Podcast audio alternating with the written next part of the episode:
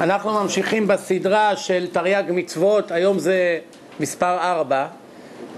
הגענו למצווה 85 בשיעור שעבר, מתקדמים יפה. בשיעור של האנגלית עשיתי כבר שניים והגענו רק למצווה 40. מתקדמים לאט שם, אבל פה ברוך השם מתקדמים יותר מהר. שלושה שיעורים גמרנו 85 מצוות, בקצב הזה נגמור מהר. בעזרת השם, התורה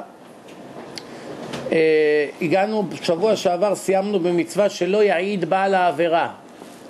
זאת אומרת, אדם שהוא חוטא, כן, לא נקבל את העדות שלו ולא נעשה בשביל עדותו שום דבר, למה התורה אמרה אל תשת ידך אם רשע להיות עד חמאס. אי אפשר, זאת אומרת, כל מה שעושים היום בארץ ובאמריקה, שתופסים את אחד הפושעים והופכים אותו לעד מדינה, זה נגד רצון השם. השם לא רצה שעדים הרוצחים והגנבים והפושעים יהפכו להיות פתאום עדים נגד אלה ששיתפו איתם פעולה בפשע. כי הרי הם לא נאמנים, הם לא אובייקטיביים, הוא יגיד הכל כדי להציל את עצמו. איך אפשר לסמוך על אדם כזה? לכן היום המשטרה עושים את זה כי באמת לא אכפת להם להגיע למאה אחוז צדק. מספיק שזה נראה צדק בעיני התקשורת זה, זה בסדר מבחינתם אבל התורה הזהירה מאוד שאסור לשפוך דם נקי וצריך להיות מאוד זהירים. לכן לא מקבלים, זה ככה סיימנו. היום אנחנו מתחילים מצווה 86 שלא לנטות אחרי רבים בדיני נפשות בשביל אחד. בעצם גם את המצווה הזאת עשינו אם אתם זוכרים ש... כן, ש... גם, גם בעצם עשינו גם את 87, 89, אוקיי, הגענו למצווה 88, כן, אחרי רבים להטות. כן? זאת אומרת, דיברנו גם uh, ש, שיש בין החכמים מחלוקות שהולכים לפי רוב, אבל אמרתי באיכות, לא בכמות. כן? גם כן דיברנו על פירוק מסע. אם חמור של חברך עמוס בסחורה והוא קרס, חייבים לעזור לו. זה היה מצווה, uh, כן, 81, 81, שלא לקחת שוחד. בקיצור, אנחנו הגענו בדיוק כמו שמישהו כאן אמר למצווה למצווה 86. המצווה האחרונה שדיברנו עליה זה היה שמירת שבת, מצוות שביתת בשבת, שהאדם צריך לשבות וכל מה שברשותו, העבד שלו, אשתו, הבנים שלו, העבדים שלו, הבהמות שלו, כולם צריכים לשבות. עכשיו מצווה 86, אסור להישבע בשם עבודה זרה, אפילו שאנחנו יודעים שזה בלוף.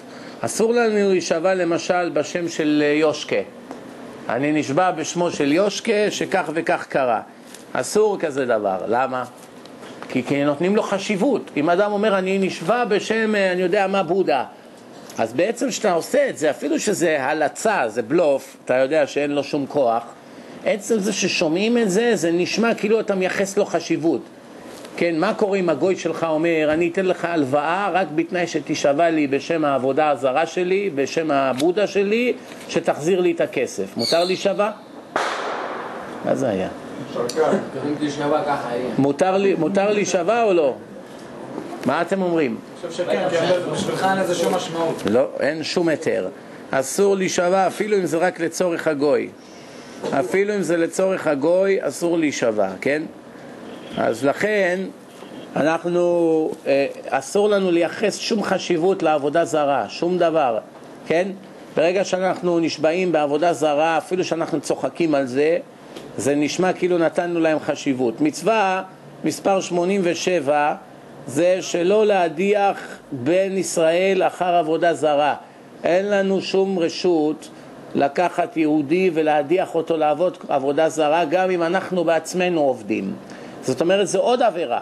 יש אדם שעובד עבודה זרה לעצמו והוא עובר עבורה חמורה, אבל יש כאלה דברים שהרבה יותר גרועים, שאתה לא רק עובד עבודה זרה, אתה גם משכנע אחרים לבוא. למשל, יהודי טיפש הולך לכנסייה, לכנסייה בימי ראשון, משתתף שם בתפילות של העובדי אלילים, אחר כך הוא משכנע את החברים שלו לבוא איתו, זה כבר עבירה עוד יותר חמורה. קודם כל הוא נענש על עצמו, ואחר כך הוא גם נענש על זה שהוא מביא אותם יחד איתו, כן?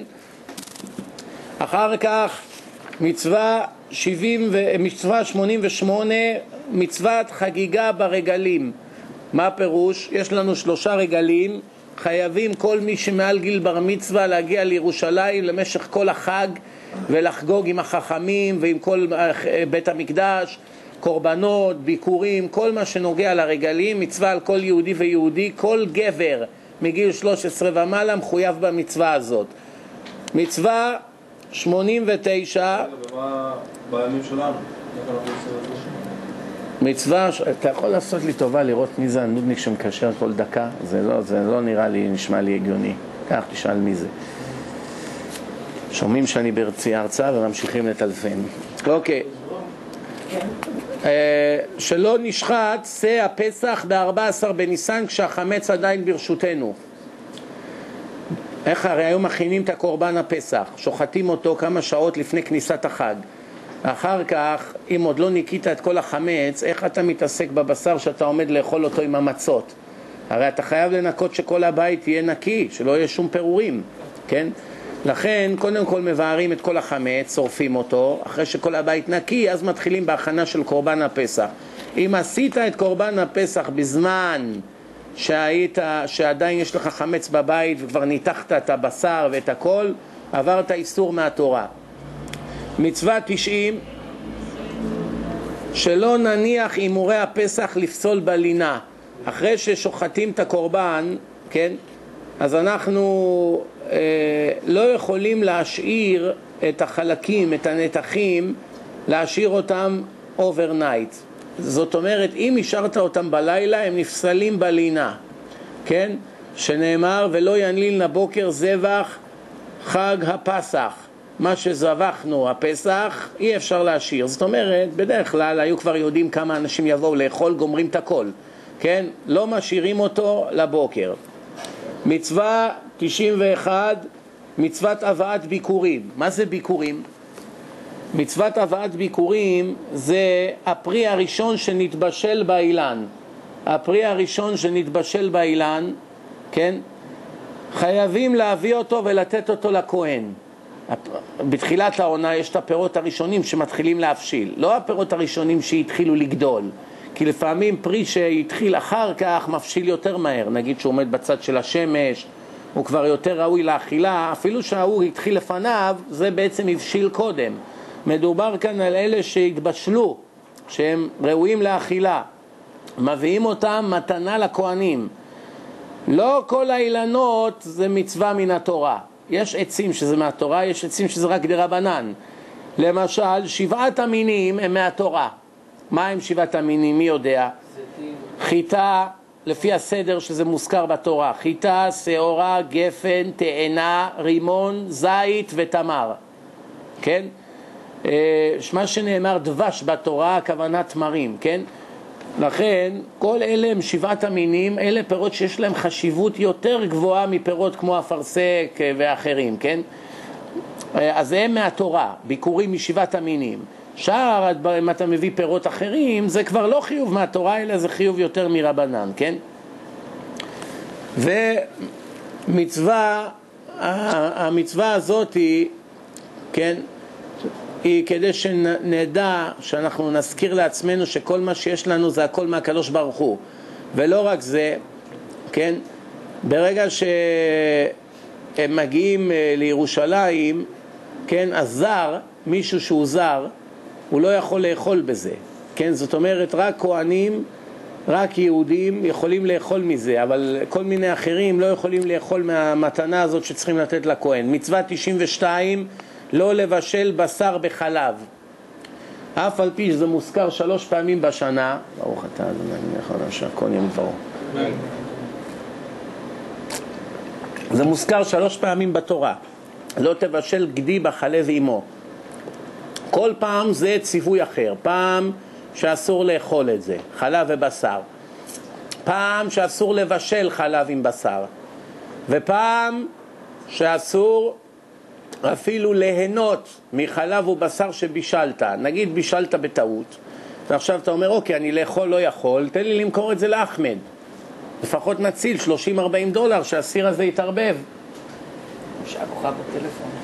אתה שומע, אתם, אתם שומעים, בקיצור, אז, אה, אז מצב כזה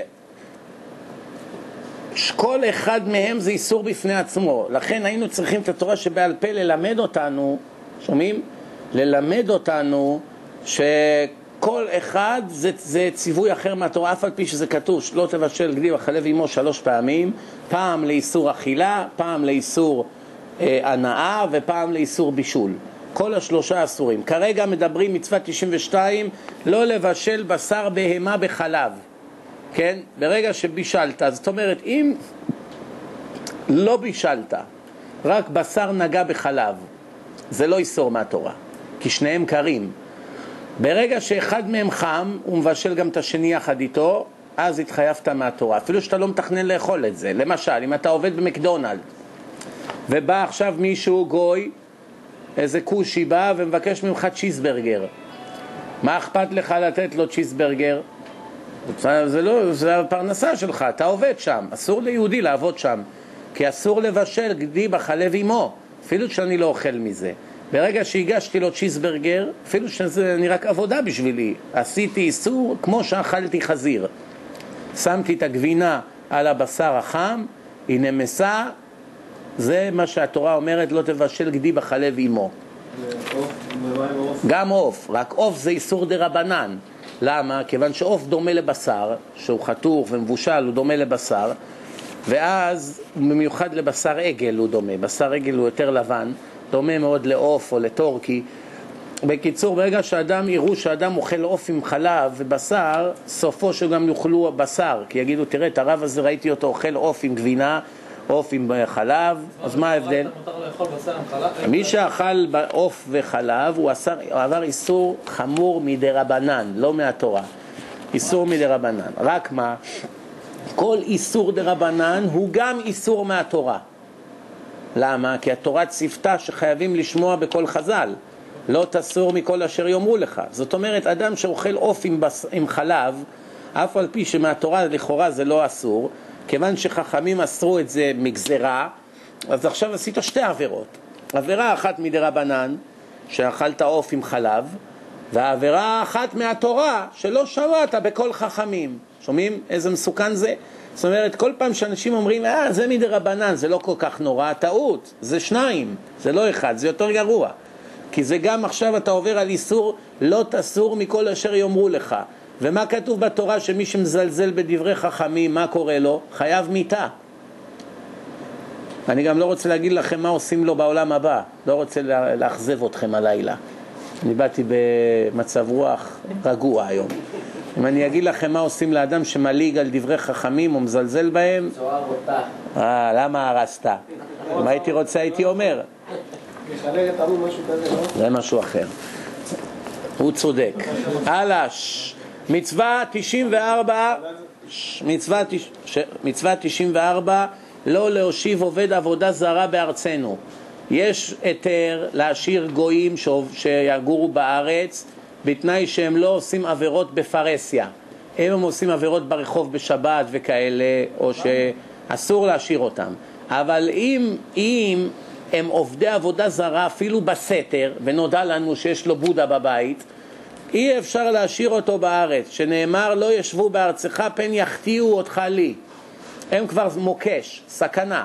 יש גוי שמעשן סיגריה אצלו בבית בשבת, הוא לא סכנה בשבילי. אבל גוי שכבר יש לו כל מיני עבודת אלילים, הוקוס פוקוס, מראה לך כל מיני שטויות, ומשכנע אותך לבוא ולהיות איתו בזמן שהוא עובד את האלילים, זה כבר סכנה גדולה. שלא נלמד מכפירתם, אין היתר להשאיר אותם בארץ. זאת אומרת, לוקחים להם את הוויזה וזורקים אותם מהמדינה. מובן? זה מה שהתורה אומרת, כן? גם שבאים לארץ, דרך אגב זה לא רק גויים, זה גם גויות. גם אם הגויה עובדת איזו עבודה זרה, אותו דבר, אין רחמים, מוציאים אותם מהארץ וכולי. לא רק זה, גם אסור למכור להם קרקע בארץ ישראל. ואסור להשכיר להם מקום. למשל, אם כנסייה רוצים, עכשיו יש לך בניין, רוצים לסחור ממך את הבניין, להפוך את זה לכנסייה, אין שום היתר שבעולם להשכיר להם את הנכס. ואם רוצים לקנות את זה, בשום פנים ואופן אסור למכור להם את זה. למה? הם יהפכו את המקום הזה לעבודה זרה בארץ הקודש. ואם אתה תעשה כזה דבר, אם אתה חומד בצע, סופו, סופך היא שיענישו אותך על כל יום ויום שהם עשו שם עבודה זרה, על זה שנתת להם פתח. אם אף יהודי לא היה מוכר להם ולא משכיר להם, לא היה עבודה זרה ולכלוך בארץ הקודש, בחצרו של הקדוש ברוך הוא. אתה הכנסת אותם, אתה אחראי. מצווה 95, מצווה לבנות את בית הבחירה. בית המקדש, מצווה להשתתף, שכולם ישתתפו בבית המקדש. שם מקריבים קורבנות, שם מתפללים, שם שרים הלל, כל המצוות שעושים שם, כן? ועשו לי מקדש ושכנתי בתוכם, ככה כתוב. ואז אנחנו, כל גבר וגבר מצווה להשתתף. דרך אגב, התימנים, מכל העדות שיש, זה עדה שקוללו על ידי עזרא הסופר. עזרא הסופר, שבא לבנות את בית המקדש, אז הוא קרא לתימנים, נתן להם הזמנה להצטרף, לבוא ולבנות את בית המקדש השני בארץ. התימנים היה להם טוב מדי בתימן, כבר התקקלמו שם וזה, כמו היהודים היום באמריקה. הם היום יקראו ליהודים של אמריקה, בואו לעזור לבנות בירושלים, אחרי שניקו משם את המסגד, בואו עכשיו מקימים שם את בית השם, אנחנו מבקשים שתבואו לעזור. מה יגידו האמריקאים? לא, לא, לא. נשלח כסף, אבל אנחנו לא יכולים לבוא לעבוד.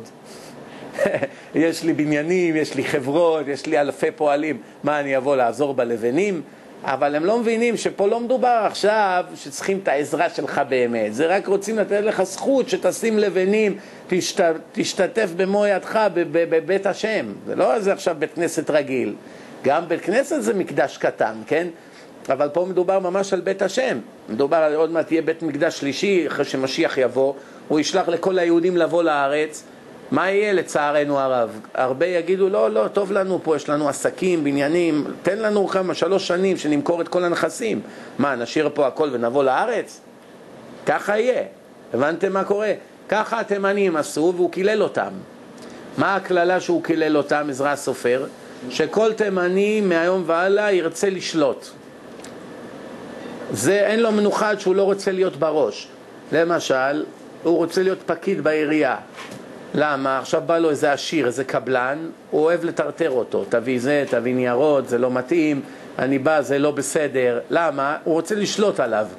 למה? הוא לא אשם. זה קללה של עזרא הסופר. כמו שעזרא קילל שהסופרים לא יתעשרו לעולם, אלה שכותבים מזוזות ותפילין.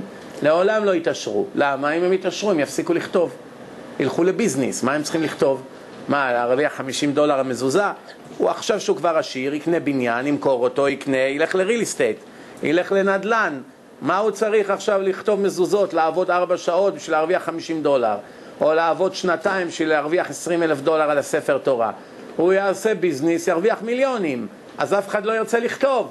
לכן הוא אמר, מה שלא יהיה, כמה שתמכרו, אף פעם לא תתעשרו. זאת אומרת, כמעט שאין ברכה בכסף הזה, ובאמת, אני כבר הכרתי את מיטב הסופרים בארץ.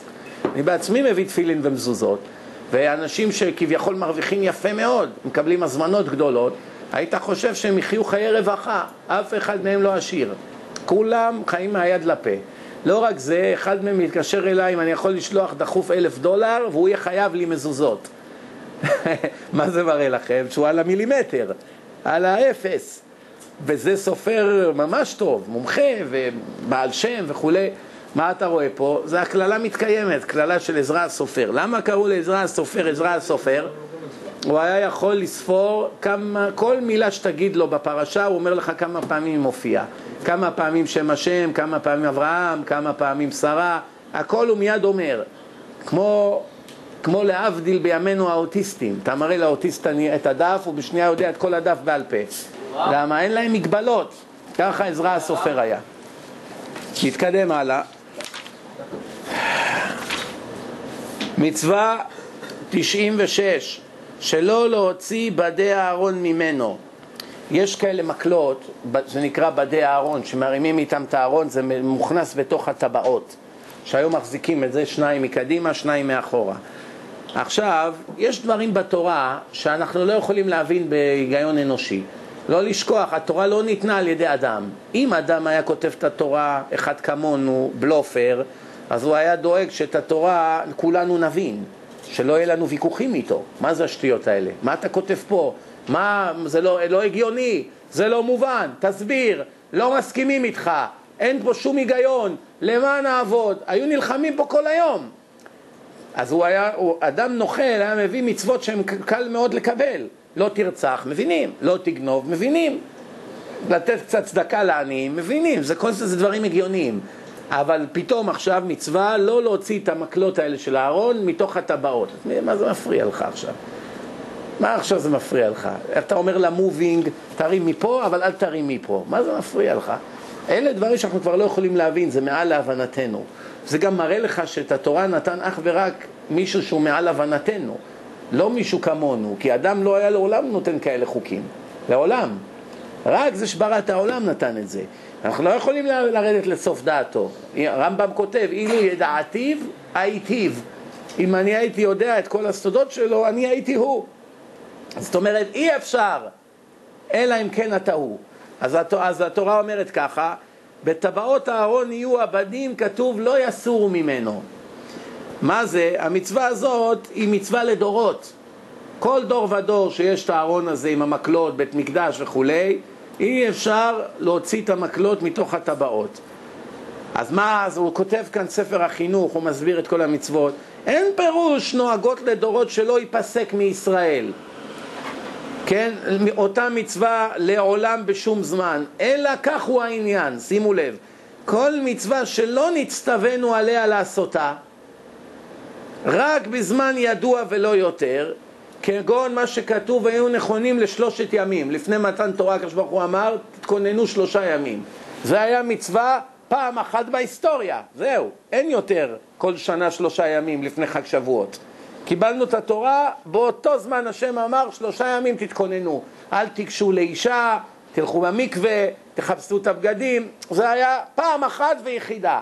למה? פעם אחת קיבלנו את התורה. עכשיו כל שנה שבועות זה כביכול חוזרים על המעמד הזה, אבל לא, לא, לא מתכוננים שלושה ימים לפני ליל שבועות, זה היה רק באותו דור. אז או אזהרה שכתוב גם הצאן והבקר לא, לא, לא, לא יראו אל מול ההר ההוא, שלא יתקרבו יותר מדי להר סיני, שהם ימותו מהקדושה. זה היה רק במתן תורה. היום הצאן והבקר יכולים לעלות חופשי על הר סיני. אין קדושה. יודעים איפה זה? כן, יודעים, משערים, לא משנה. כל, כל מי שיעלה על ההרים שם, שום דבר לא קורה לו. זה היה צו השעה, רק ציווי לאותו זמן. אז אלו מצוות שאינן נוהגות לדורות, זה היה פעם אחת וזהו, כן? אבל כל מצווה שלא נצטווה עליה לזמן ידוע, כל מצווה שהתורה לא כתבה לה זמן מוגבל, רק עכשיו וזהו, כן? אף על פי שיש לה הפסק בזמן מן הזמנים, למשל שאנחנו בגלות, למשל אין בית מקדש כבר אלפיים שנה, אז אין את הבדים האלה, אין את המקלות. מתי יהיה? שייבנה בית מקדש. זה שאלפיים שנה יש לנו נתק, לא אומר שהמצווה הזאת בטלה. כל הזמן יש את החיוב. רק למה אין כרגע את החיוב? בגלל שאין בית מקדש. אה, יהיה בית מקדש, כל החיובים שלו חוזרים. הכל, קורבנות, כל המזבח, כל מה שהיה, חוזר. עכשיו אין בית מקדש, נפלו לך חצי מהמצוות של התרי"ג. מובן? אבל מצוות שהיו בתורה, אפילו שאתה יכול לעשות אותן כל שנה, כיוון שהם רק היו לאותו דור, לאותה שעה, אז זהו, הם נפסקו, צריכים לדעת את זה, כן? לכן, זה מה שהוא מתכוון כאן. זאת אומרת, אף על פי שאנחנו כבר לא עושים את זה אלפיים שנה, היא לעולם לא נפסקה, היא כרגע מאילוץ הפסיקה. אבל בעזרת השם, ברגע שיש שוב חיוב, מיד הוא חוזר, כאילו אף פעם לא פסק. מצווה 97, מצוות סידור לחם הפנים ולבונה. מה זה? בבית המקדש יש חיוב שתמיד יהיה לחם לפני השם, תמיד. ונתת על השולחן, יש שולחן מיוחד כזה עם עדפים כאלה, ונתת על השולחן לחם פנים לפניי תמיד, תמיד מינס תמיד, כל הזמן. שורשי המצווה, ציוונו הקדוש ברוך הוא שהלחם הזה, שזה הבסיס של החיים של האדם, הרי כתוב בתורה כי לא על הלחם לבדו יחיה האדם, כי אם על כל מוצא פי השם יחיה האדם. זאת אומרת, יש שני דברים שמחיים את האדם. אוכל, כל פעם שהתורה מדברת על אוכל, זה לחם. לא מזכירים שום דבר אחר. וישבו לאכול לחם, אבל הם אכלו עוד הרבה דברים. הכל טפל ללחם. לכן כשאתה עושה ברכה, מוציא לחם מן הארץ, אתה לא מברך על שום דבר יותר. לא על הגבינות, לא על הזיתים, לא על כל מה שאתה אוכל בתוך הסעודה. חוץ מדיזרטים, פירות, למשל אתה מביא פרי העץ, פרי האדמה, או שאתה מביא ופלים. ופלים זה לא טפל הלחם, זה ממתק, או סוכריות, כן? אז ברגע שזה ממתק כבר שלא אוכלים אותו עם לחם, זה כבר משהו אחר. אבל נגיד גבינות, חינה, חומוס, סלטים, אה, בשר, נקניקים, כל מה שאתה אוכל עם לחם, כל מה שנהוג לאכול עם לחם, הכל בטל הלחם. למה? כי אתה רואה שהתורה נתנה חשיבות ללחם, המוציא לחם מן הארץ. מה בירכו על המן בזמנם? המוציא לחם מן, מן השמיים. זה היה הברכה, כן? היום זה המוציא לחם מן הארץ, שזה יוצא מהחיטה ומהשעורה, כן? חמישה סוגי דגן. לכן שימו לב, הקדוש ברוך הוא ציווה שהלחם הזה, שזה חצי מחייו של האדם, שהוא חי על הלחם, החצי השני זה התורה, כן? לכן הקדוש ברוך הוא אומר שתמיד יהיה ברכה בו, צריך שיהיה לחם שם על השולחן הזה. כדי לקיים עליו מצוות השם, יהיה הרצון והברכה חלים עלינו ויתברך במעינו. זה מין כמו סגולה כזאת. בזמן שהלחם שם, הלחם של כל היהודים מתברך בה על ידי זה שיש שם את הלחם בבית המקדש. כן? ואנחנו עושים ככה את רצון השם, כן? את בקשתו, כן? ולמשל, כגון שולחן, מנורה, לחם הפנים, קורבנות, כל הדברים האלה זה ציוויים שיש לנו בזמן בית המקדש, כן? היום שאין בית מקדש, לצערנו הם בטלות לצורך זמן, כן? עד שיבנה שוב בית המקדש. זאת אומרת, הלחם הזה היו מחליפים אותו כל שבוע והוא היה נשאר טרי כל השבוע. זה הסוד שלו היה. מוציאים את זה ומכניסים חדשים. זה נקרא מצוות לחם הפנים. יש מצווה מספר 98 שלהטיב את הנרות לפני השם. בבית המקדש הייתה מנורה, כל הזמן צריכים לנקות את השאריות השרופות, כל מה שהיה שם מהשמן, הפתיליות, להטיב את הנרות. מה זה? יערוך אותו אהרון ובניו. זה מצווה של אהרון והבנים שלו הכהנים שהם מדליקים את הנרות. זה מה שהיה לנו לפני שבועיים, פרשת בעלותך. בעלותך את המנורה לפני השם וכולי, זה מצווה לכהנים בלבד. והקדוש ברוך הוא ציווה שתמיד יהיה הנר דולק בבית המקדש, כן? לתפארת אלה שבאים ורואים, כן? וזה מכניס מורא שמיים, שרואים את הנרות האלה במנורה, זה מכניס לאדם יראת שמיים. ויש נר אחד שהוא הנר המערבי, אף על פי שכל השישה נרות האחרים דולקים רק לצורך זמן, הנר הזה בנרך נס נשאר דלוק עד למחרת שמדליקים שוב את הנרות. נר אחד, כמו נס חנוכה שיש פעם בשנה, שאנחנו חוגגים חנוכה, פעם בהיסטוריה היה נס פח השמן. בבית המקדש היה כל יום נס פח השמן, כל יום. ממלאים את הכוסיות בשמן, כל השישה נרות דולקות, והנר הכי מערבי דולק עד מחר בערב. אותה כמות של שמן. זה אחד מהניסים שהיו כל הזמן בבית המקדש, כן? לכן, בואו נתקדם הלאה. מצווה, למשל. הדלקת הנרות דוחה שבת. שומעים? מדליקים, מתי מותר להדליק אש בשבת? מנורה בבית המקדש מדליקים אפילו בשבת, שומעים? כן, כמו ששוחטים קורבנות, בש... מקריבים קורבנות, סליחה, מקריבים קורבנות בשבת. מה, ממתי מותר לשרוף בשרים, לעשות על האש בשבת? מקריבים קורבנות על האש בשבת כי זה בתוך בית המקדש, כי השם אמר. בית המקדש זה כמו פלנט בפני עצמו. למשל, כל הארץ מנענעים לולב יום אחד, ביום הראשון, בית המקדש כל השבעה ימים. היום אנחנו עושים זכר למה שהיה בית המקדש כל השבעה ימים, אבל רק היום הראשון זה מדאורייתא. שאר הימים זה דרבנן. לכן אם נשבר לך הפיתם של האתרוג ביום הראשון, פסול. אבל אם ביום השני והלאה, בסדר, אפשר בדיעבד להשתמש בזה. למה? כי זה יום ראשון זה מהתורה, שאר הימים זה דרבנן. כן? כל המצווה הזאת, כן? צריכים לשים מספיק שמן, שיספיק שיהיה דלוק כל הלילה, אפילו בלילות טבת. מה זה לילות טבת? תשרי, חשוון, שבט, אדר, ניסן, אייר, סיוון, תמוז, נו זה החודשים. מתי זה טבת? לילות טבת חורף, שהלילה הוא ארוך מאוד. צריך לשים מספיק שמן שאפילו יספיק ללילה כמו של טבת. אם יוותר, אם נחבא הנר ונשאר קצת שמן, אין בכך כלום, כן? מה זה ההטבה של הנרות? דישון, דישון המנורה, כמו לדשן. אתם יודעים מה זה לדשן? כמו שנותנים זבל לאדמה, שזה יהיה טוב לאדמה, שיגדל טוב הפירות, כן? מדשנים, זה אדם שהוא רזה, מדשנים אותו והוא נהיה שמן. זאת אומרת, מאכילים אותו. איך אפשר להאכיל מנורה? כל נר שקבע, מסירים את הפתילה וכל השמן שבנר הוא מקנחו ונוטל פתילה אחרת ושמן חדש.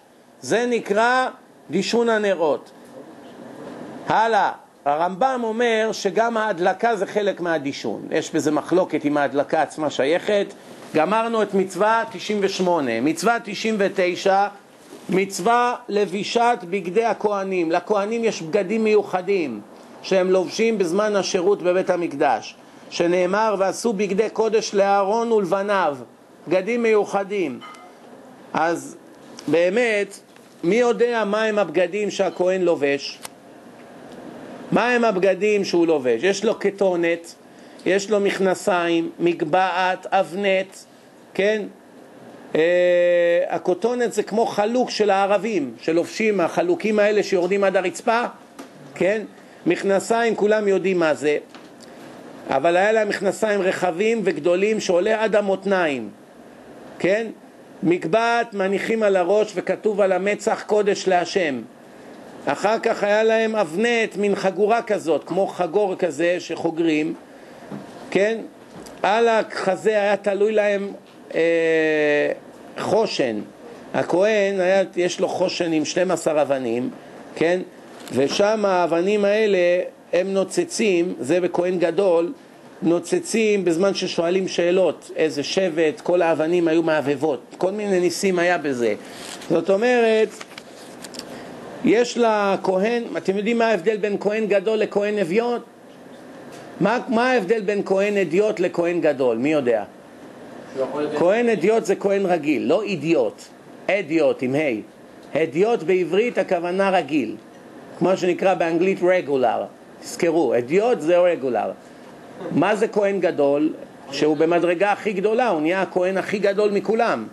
אז כהן רגיל, אדיוט, יש לו מצנפת, אבל לכהן גדול יש לו מצנפת שהיא שונה מהמגבעת. כהן רגיל יש לו כובע רגיל, אבל לכהן גדול יש כובע מיוחד, כן? ו... אה, אני לא רוצה יותר מדי להכניס אתכם לכל הפרטים פה, ממה זה העשוי וכולי, אבל עצם זה שתבינו שהכוהנים בבית המקדש היה להם מדים מיוחדים, כן? ולכהן גדול היה גם קצת כמה שינויים שאין אותם בכהנים רגילים. אה, למשל, אם כהן שירת בבית המקדש לא עם הבגדים האלה, מה עונשו? חייב מיתה בידי שמיים. לא מוציאים אותו להורג על ידי בית דין. אם הוא שירת לא עם הבגדים שהוא חייב, לא, אי אפשר להוציא אותו להורג בבית דין, אבל הוא מתחייב בנפשו על ידי הקדוש ברוך הוא.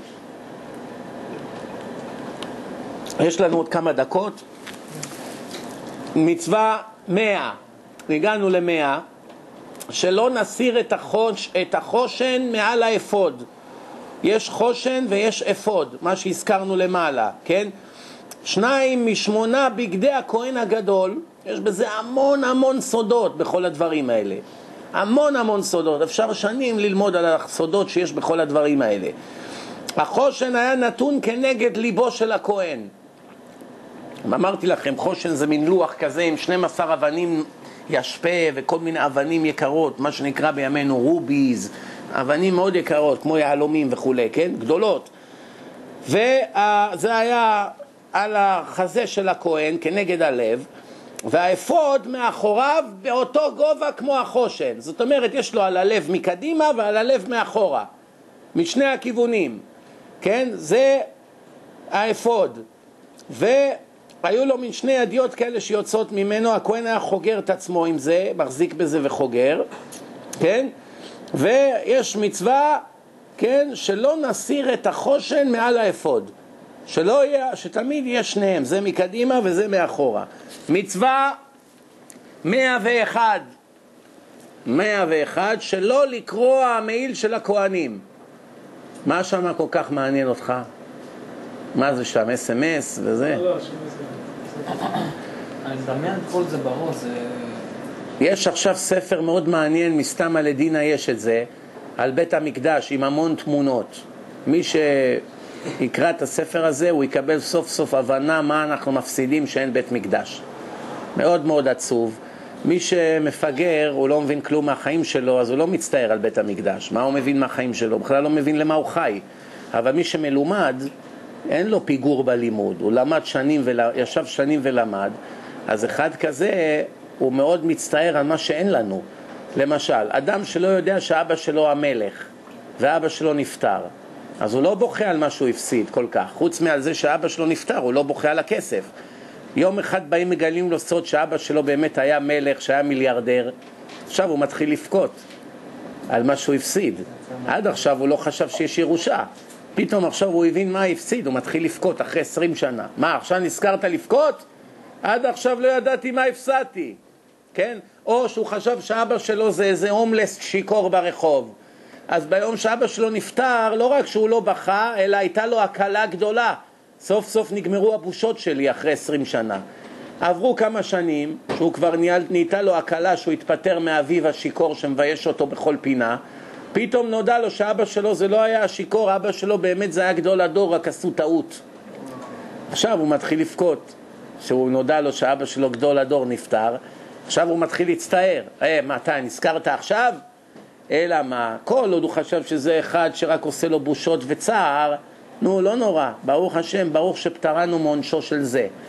אבל עכשיו שהתברר לו שאבא שלו היה חכם גדול, איש צדיק, אז עכשיו הוא מתחיל לסבול. אפילו שזה אחרי הרבה שנים, כי לא היה לו עוד זמן להתאבל עליו. עכשיו הוא רק מתחיל להבין מה הפסדתי. זה ההפסד של בית המקדש. מצווה 102, מצוות אכילת בשר חטאת ואשם. יש שני סוגי קורבנות, קורבן חטאת וקורבן אשם. מה זה קורבן חטאת? מי יודע? אדם שעשה איסור כרת, כל, כל אותם אלה מהאיסורים בתורה שכתוב עליהם ונכרתה הנפש ההיא מישראל, רק מה הוא עשה את זה בלי כוונה. חילל שבת כי הוא לא ידע שאסור לתפור בשבת, או שהוא לא ידע שאסור לקצור פירות מהעץ. פתאום נודע לו, אבל הוא כבר חילל. אז עכשיו אם הוא היה עושה את זה במזיד, היו מוציאים אותו להורג בלי רחמים. כיוון שהוא עשה את זה בשוגג, אז עכשיו הוא צריך להקריב קורבן חטאת, להגיע לבית המקדש ולהקריב אותו, כן? וזה במקום, כן? במקום העבירה הזאת שהוא עשה. כמובן שלא מספיק, לא מספיק אה, רק להקריב קורבן, צריך לעשות תשובה. קורבן בלי תשובה לא מועיל. תשובה בלי קורבן מועיל בימינו, כי אין בית מקדש. אז מה זה הקורבן בימינו, מי יודע? כל המכות שאנחנו חוטפים כל יום, מפסידים, מפוטרים, בעיות, צרות, פאנצ'ר, מחלות, רופאים, ניתוחים, גירושין, ילדים ברחובות. זה איסורים שאנחנו מקבלים, זה במקום הקורבנות. כשהיה קורבנות היה הרבה פחות איסורים. עכשיו שאין קורבנות, משלמים בכאבי גב, במיגרנות, בעצבים, במתח, כדורים נגד דיכאון, מילואים, הגב שלך נשבר, שברים ברגליים, יבלות, כל הצרות שיש לנו ואין סוף לצרות, היום בימינו זה בגלל שאין קורבנות, לצערנו הרב. מה? אתה אי אפשר לעשות את התרי"ג מצוות, לא? אז אני מסביר, כל הקורבנות האלה אי אפשר לקיים אותם, אבל במקומם, כתוב למשל, כתוב נשלמה פרים שפתנו. אנחנו משלמים במקום הפרות, פרים זה פר, כן? אנחנו משלמים את הפרים לבית המקדש על ידי תפילות. פעם היה קורבנות העיקר וקצת תפילות. היום יש הרבה תפילות כי אין קורבנות.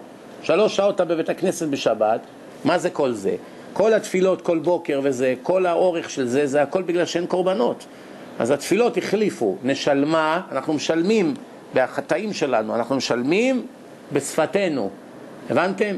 זה, עכשיו הקורבנות האלה, התורה אומרת, ואכלו אותם אשר חופר בהם. שאתה מביא את הקורבן, בין קורבן חטאת, בין קורבן אשם, כן?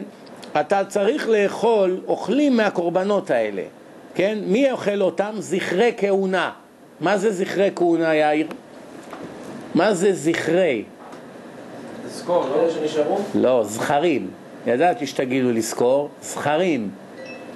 זכרי כהונה, אלה שזכרים, כהנים שהם זכרים, לא כהנות.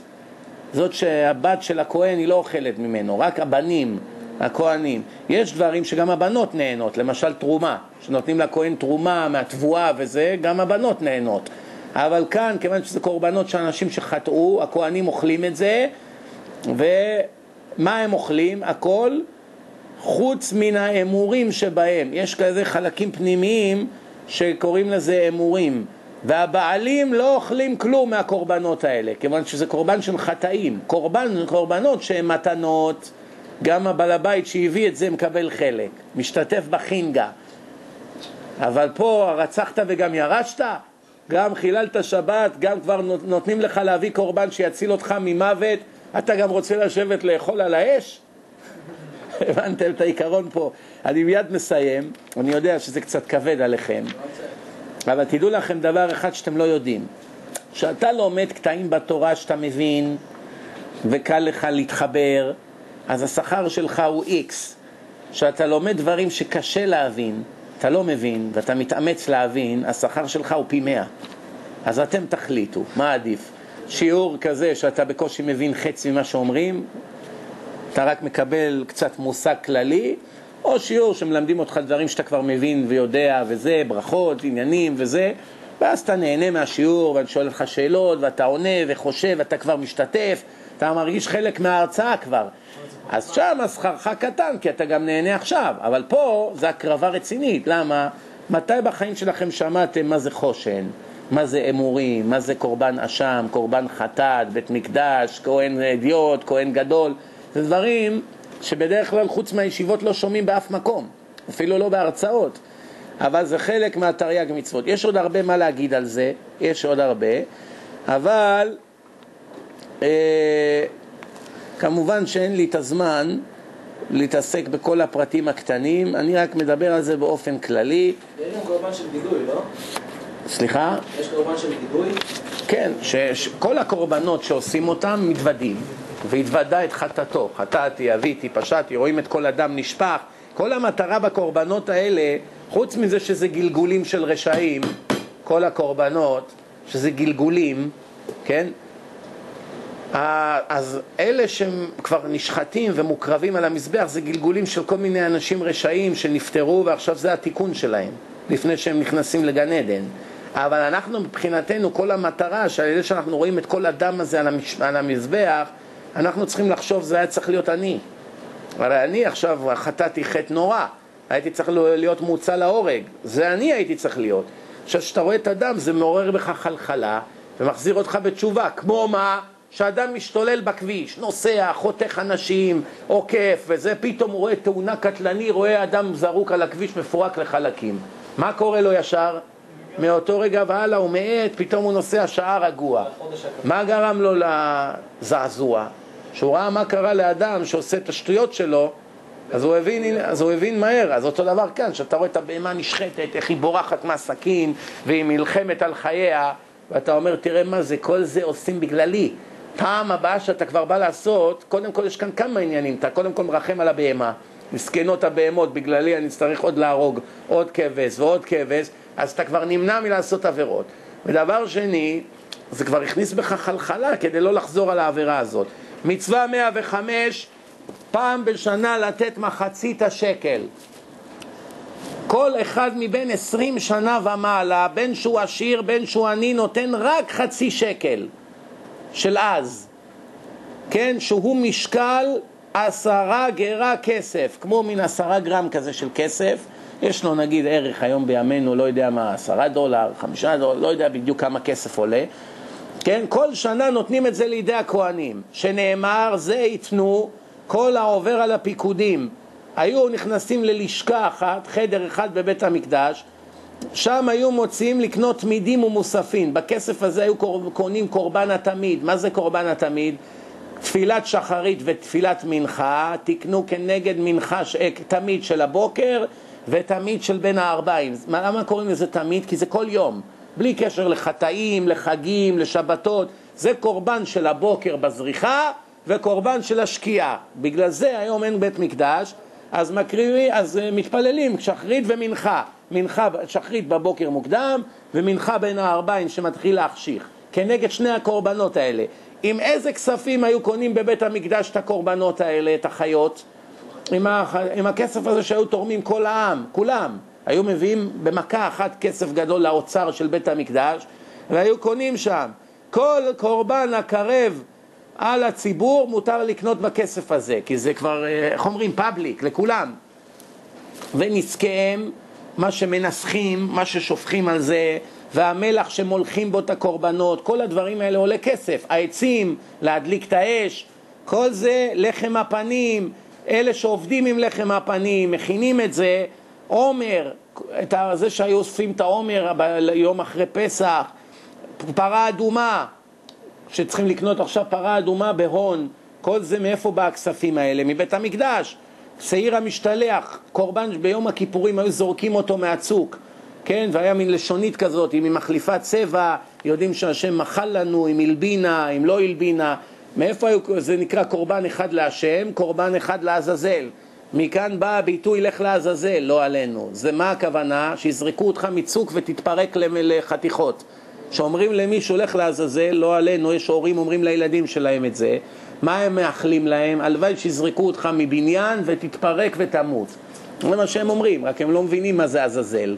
הם לא יודעים שהם זורקים את הבהמה הזאת ככפרה על כל העבירות של עם ישראל ביום כיפור. למה משתמשים במילים האלה? כי אמרתי לך, שאנשים מפגרים והם לא יודעים שום דבר, אז הם עושים הרבה טעויות.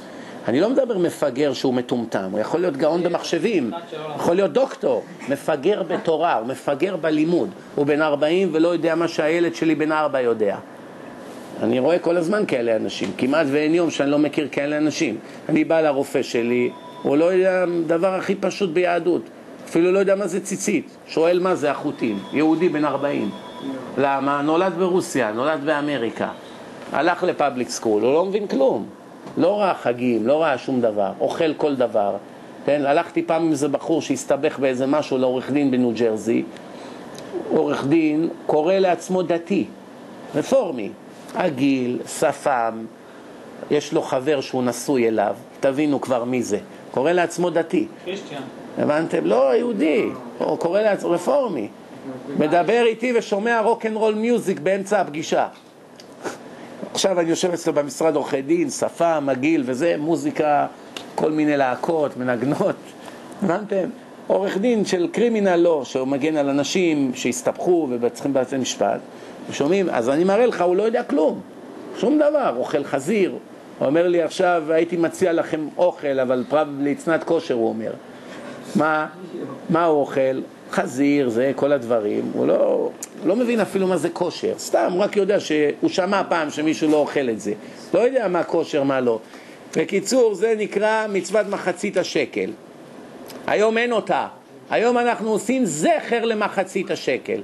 בפורים יש בבתי כנסת, תראו קופסה, וכתוב שם זכר למחצית. לא שנותנים מחצית השקל, אין בית מקדש. זכר למחצית השקל. אני ראיתי במו עיניי, החזקתי ביד שלי שקל מלפני אלפיים שנה, שנמצא בחפירות ארכיאולוגיות בירושלים מתקופת בית המקדש השני. החזקתי אותם שלושה בים, קטנים כאלה, דומה מאוד לשקל שיש בארץ, הקטנים. רק מה, הרבה יותר עקום, זה לא עיגול מדויק. אתה רואה שזה עבודת יד, כן? בכל אופן, נתקדם, מצווה 106, נגיע ל-110 ונסיים. מצווה 106 מצוות קידוש ידיים ורגליים בשעת העבודה. שהכוהנים הולכים לשרת במשמרת שלהם בבית המקדש, נכנסים, לובשים את הבגדים ומתחילים בעבודה, קודם כל חייבים לעשות נטילת ידיים עד המרפקים ונטילת רגליים, כי הטומאה נאחזת ביד וברגליים. למה בימינו עושים נטילת ידיים כל היהודים, לא רק הכוהנים? התשובה לכך היא כיוון ש...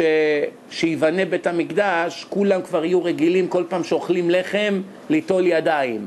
אם לא היה את הגזרה הזאת של חז"ל, שכבר היה נבנת בית המקדש, אף אחד לא היה נוטל ידיים, וכולם היו עושים דברים של קדושה עם ידיים טמאות. לכן עכשיו שכבר התרגלנו כל פעם שאוכלים לחם עושים נטילת ידיים, אז אפילו אלה שלא ידעו, כבר אפילו כהן באופן טבעי הוא כבר עושה נטילת ידיים, כי זה כבר אלפיים שנה כולם עושים. למה לא נוטלים רגליים בימינו? כי הטומאה ברגליים היא כל כך חזקה שאי אפשר להסיר אותה יותר. זה מאוד מאוד מסובך. לכן גם אם תעשה נטילת רגליים, במילא לא יעזור לך. לכן כשנוגעים ברגליים צריך נטילה, כי הטומאה עברה לך ליד. לכן אסור לגעת ברגליים. כל פעם שנגעת ברגליים אתה צריך מיד ליטול ידיים, לסירוגין, כמו רוח רעה של הבוקר. למה? אפילו בברכיים. אפילו בברכיים, כל, בכלל כל המקומות המכוסים בגוף, אבל רגליים זה הכי גרוע, כן? שם יש את כל הטומאה, במיוחד איפה שהציפורניים. אה, אז הכוהנים, כל פעם שנכנסים להיכל ובאים לעבוד עבודה, לשרת בקורבנות, להקריב, כל הדברים שהם היו עושים, היו מקדשים את ידיהם ורגליהם, שנאמר ורחצו אהרון ובניו ממנו את ידיהם ואת רגליהם בבואם אל אוהל מועד או בגישתם אל המזבח. זאת אומרת, הקדוש ברוך הוא אמר, כל פעם שאתה נכנס למקום הקדוש חייב נטילת ידיים ורגליים, כן? למה? כדי לה, להזכיר לך איפה אתה עומד. אתה לא עכשיו נמצא במרתף אצלך בבית, אתה בא לבית השם. אתה צריך הכנה מיוחדת לזה, כן? וכולי. הלאה. מצווה, כמובן אמרתי, יש בזה הרבה דינים, אבל אין לנו זמן להיכנס לכל הפרטים. בשביל זה צריך לבוא ללמוד בישיבה כמה שנים ותדע את הכל. מצווה ק"ז, 107, מצוות משיכת כהנים גדולים ומלכים בשמן המשחה. יש שמן קדוש, שומעים? שאיך עושים אותו? שכתוב בתורה ועשית אותו שמן משחת קודש. שמכינים את השמן הזה, התורה נתנה אה, הוראות איך מכינים את השמן הזה, ועם השמן הזה מושכים מי שנהיה מלך. למשל, שהקדוש ברוך הוא ביטל את המלכות משאול המלך, הוא העביר אותה לדוד. הוא שלח את שמואל הנביא עם קרן, קרן של בהמה, כמו שופר, רק סגור מלמטה. שופר הוא פתוח, כדי שהכל יצא. זה סגור. זה נראה כמו מין בקבוק כזה עם פה צר, ממלאים את זה בשמן, ואז מביאים את זה ושופכים את זה על הראש של המלך. ברגע שזה נגע השמן בראש של המלך, באותה שנייה שהטיפה הראשונה נגעה לו בראש, הוא נהיה מלך ישראל. אפילו שהוא לא החליף בגדים, לא נכנס לארמון. אם קיללת אותו דקה לפני שהשמן נגע לו בראש, עשית עבירה מהתורה, קיללת יהודי. אם קיללת אותו שנייה אחרי שהשמן נגע לו בראש, מוציאים אותך להורג בלי רחמים, כי ביזית מלך. זה נקרא מורד במלכות. זה כמו בדרך מניו יורק לניו ג'רזי, שבאים ממונסי לכאן, יש איי-ווי שנקרא Palisades Parkway. חצי מהאיי-ווי זה ניו יורק, מאיזה נקודה מסוימת מתחיל להיות ניו ג'רזי. אם הרגת מישהו כאן, אז אתה הולך למאסר עולם 20 שנה. אם עשית עוד שלושה צעדים מעבר ל... ל... לשלט, והרגת אותו פה, כיסא חשמלי. הבנתם? תחשוב עכשיו באיילון, עד לאיזה קטע באקזיט, נגיד שתיים, עד לכאן מאסר עולם. עברת את השלט בניו ג'רזי. אם אתה הורג בן אדם ב accident? לא, כמובן שאתה רואה שבניו ג'רזי לא מוציאים להורג, אבל החוק כמו בטקסס, רק בטקסס הורגים, כל שבוע הורגים שם מישהו. בניו ג'רזי יש חוק ולא מיישמים אותו. מעדיפים לשלוח לבית סוהר, אבל אם יהיה איזה משהו מאוד מאוד נפשע, הוציאו אותו להורג על כיסא חשמלי בניו ג'רזי, או הזרקת רעל. למה? זה כבר חוקים אחרים. אבל כאן זה מאוד מעניין, כי אתה רואה, אני, אני מסביר לכם מה מדובר פה. ברגע שהוא נהיה מלך, הכל משתנה. כל החוקים, כל הדינים לגביו, הכבוד שצריכים לתת לו, ביזית אותו, כמה פעמים צריך, צריך לבקש מחילה. לפני זה שלוש פעמים. אם זה רב חכם, אלף פעמים. אם תלמיד חכם. עכשיו שזה מלך, הוא, וואה, בכלל הסתבכת. כן, מלך למשל, הוא יש לו סמכויות יותר משופט. כמו נשיא בארצות הברית שיכול לשחרר, לעשות מה שהוא רוצה באמת. כמובן שהוא פוחד מה יגידו, אבל יש לו סמכויות לשחרר. שופט דן אותך ל-20 שנה, אחרי חודשיים אובמה יכול לחון אותך, לשחרר אותך, נגמר. אובמה יכול להוציא את פולארד מחר, יימח שמם וזכרם, אפילו ללוויה של אבא שלו לא נתנו לו שעה לבוא. זרע עמלק האמריקאים, שלא לטעות תשכחו מאיפה הם באו, הם הצאצאים של עמלק, המרגל היהודי המסכן, שהלבישו עליו 25-30 שנה, הוא כבר יושב בבית סוהר, כן? אבא שלו נפטר, לא נתנו לו לראות אותו. איפה הוא הגיע? פה באמריקה? הוא נתן לישראל אינפורמציה על איראן, שהוא עבד פה בממשלת ארצות הברית, הוא ראה סודות על איראן, הוא אמר לישראל מה יש באיראן. הוא לא, הוא לא ריגל נגד ארצות הברית. הוא נתן אינפורמציה שהיה לאמריקאים שהם לא שיתפו את הישראלים, גילה להם. ישראל לא יכול לעשות כלום בקשר לזה? שום דבר, לא מתייחסים אליהם. בכל אופן, מה אני מסביר לכם? שמלך יכול להרוג גנב. בתורה לא כתוב שגנב חייב מיתה, הוא צריך לשלם כפל. אבל אם פתאום רבו הגנבות, והמלך החליט עכשיו, אתם יודעים מה? אני תופס את הגנב הבא, מי שיתפס גונב, אני כורת לו את הראש. למען יראו וייראו. על המקום הוא יכול לעשות את זה, כי הוא מלך, אז יש לו דינים אחרים. אז. השמן הזה שנקרא שמן המשחה, תזכרו, זה לא שזה משחת נעליים או משחת שיניים, זה שמן שמושכים בו את המלך או את הכהן, שופכים לו את זה על הראש? ואז, כן, רק משה היה יודע להכין את זה. ואומרים שזה עבר מדור לדור, וזה עבר, תמיד היה את זה וכולי. לא משנה, בכל מקרה רק שתבינו את העיקרון, ועשית אותו שמן משחת קודש, שיהיה מוכן למשוח בו כל כהן גדול שיתמנה. איך, נהיה, איך אתה נהיה כהן גדול? הרי כולם כהנים. שופכים עליך את השמן, נהפכת לכהן גדול. עד עכשיו היית כהן מלידה, אבל עכשיו נהיית כהן גדול על ידי שהשמן נגע בך או מלך. ממש כמעט סיימנו, מצווה 108, שלא יסוך זר בשמן המשחה. יש איזה אחד שעכשיו אומר בוא, יאללה, מצווה, סגולה, בוא אני אקח קצת מהשמן הזה וישים לי על הראש. מותר? אתה יכול לעשות עד מחר, נכון? התורה אומרת אסור. היינו חושבים, שמע, הרי במילא אני לא אהיה מלך, יודעים שאני לא מלך, רק לסגולה, סגולה לפרנסה, סגולה, אולי יום אחד אני באמת אהיה כהן גדול, סתם, למזל, איך אומרים? איך אומרים, אם עכשיו הבבא סאלי היה שופך על הראש של עצמו, אני יודע מה, מי ורדים, והיה נופל קצת על השולחן, מה היית עושה ישר? כמו בהבדלה, שם פה בכיסים, יש כאלה שותים את זה גם. כמו החסידים, הם רבים מי יאכל מהפירורים שנפלו מהאכלה של הרב. הרבה רצים כדי לאסוף את השאריים, סגולה לפרנסה, כל מיני דברים. לא כלום? לא להם? מה זה היה מסכים? זה עכשיו כל שישי.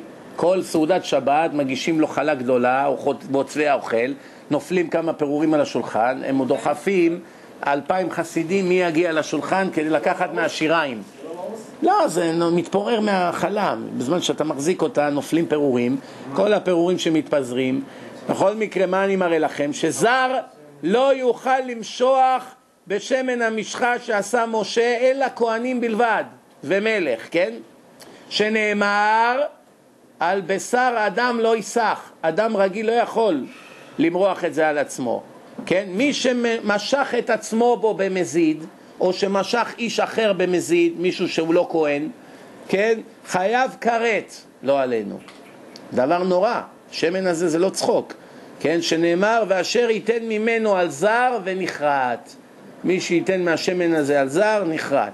אם נמשך בו בשוגג, טעו בשם, חשבו שאתה כהן והוא טעה והוא שם לך, כן? לא יודע מה. לא יודע איך בדיוק אפשר לעשות כזה דבר בשוגג. חייב חטאת קבועה. צריך להביא חטאת. מה זה קבועה? אין חילוק בין דל ועשיר. עניים שאין להם כסף לכבש יכולים להביא יונה, כל מיני דברים שהם יותר זולים. פה, כיוון שזה כזו איסור חמור, הוא חייב להביא, לא משנה עשיר או עני, חטאת קבועה, לא עולה ויורד, לא קורבן עולה ויורד. אתה חייב להביא כבש, כן? שהוא דבר קבוע. דבר, מצווה 109, שלא לעשות במתכונת שמן המשחה. מה הפירוש? שהתורה אמרה ובמתכונתו לא תעשו. מה הפירוש? לא.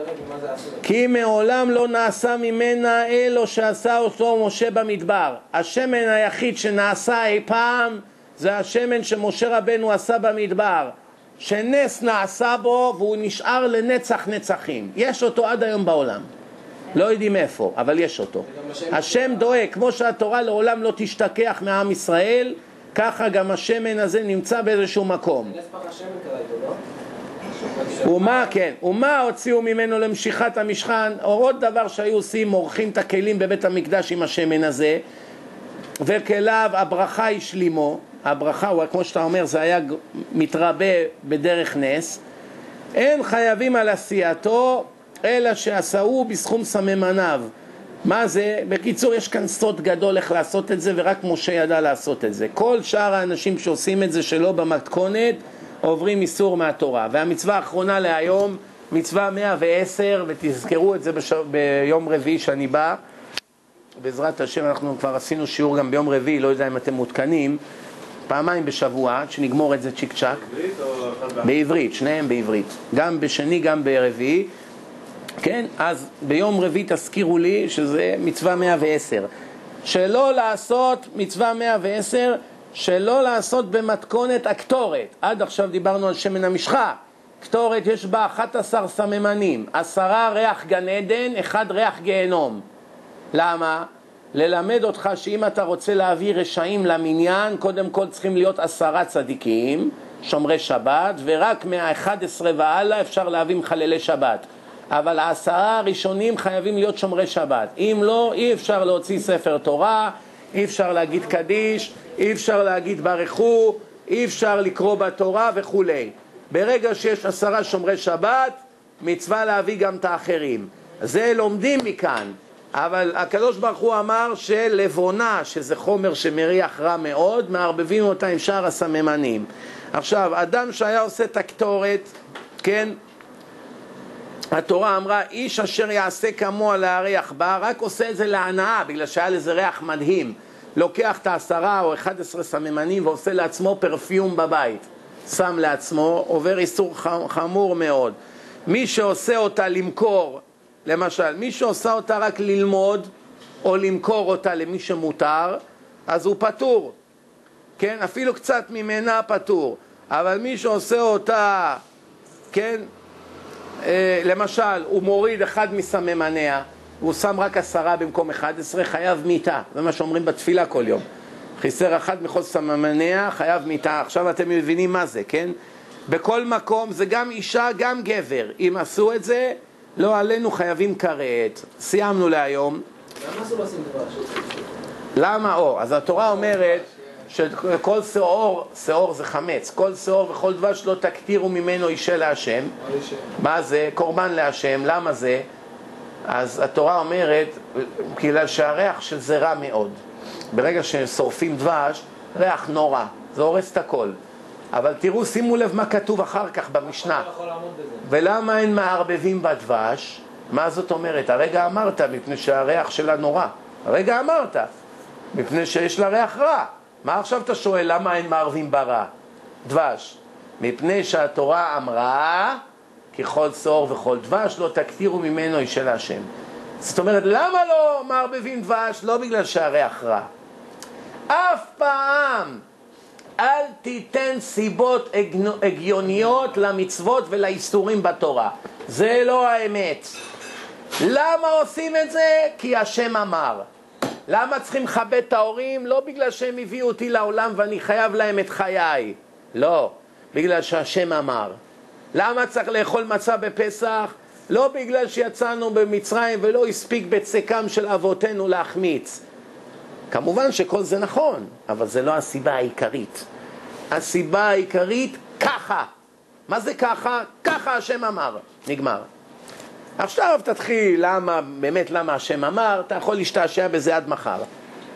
אבל למה? כי ככה השם אמר. מפני שהתורה אמרה. לא יודעים למה, זה רצון השם. למה השם עשה לך הורים? כי כתוב בתורה כבד את אביך ואת אמך. לא בגלל שיש לך הורים צריכים לכבד אותם. בגלל שכתוב בתורה שצריכים לכבד את ההורים, עשו לך הורים. אם לא, הקדוש ברוך הוא היה עושה אותך, אתה נולד מתפוז. יש תפוז על העץ, יום אחד התפוז נופל על הרצפה, נשבר כמו ביצה, נפתח, יוצא איזה גמד קטן, מתחיל ללכת, גודל אחרי שבוע, נהיה איש רגיל ונגמר, מה צריך הורים? היה גודל מזרעים, ראיתם איך העצים מתרבים? מהרוח, עפים דברים, משתלים באדמה, יוצא עץ חדש. עוד אחד, עוד אחד, ככה אנשים היו גדלים, כמו על העצים. יום אחד זה מבשיל, נופל, נשבר, יוצא בן אדם, נגמר. מה צריך הורים? למה יש הורים? לא יודעים. סוד. ככה השם רצה. למה צריך לאכול כשר? לא בגלל שזה בריא. גם זה בריא, ברור שזה בריא יותר. אבל זה לא הסיבה. כי ככה השם אמר. למה צריך לשמור שבת? כי צריך מנוחה וצריך יום לקדושה וללימוד ולנוח ולמשפחה. כל זה נכון, אבל זה לא הסיבה. למה? כי ככה השם רצה. יש מצווה להוכיח. לא לשכוח. כי ככה השם אמר, אין מצווה להוכיח לו. שאלה קטנה, יש הבדל בין, אה, יש על אכילת חזיר ואכילת לא כשר, זה אותו עונש? אותו עונש, שניהם איסור מדאורייתא.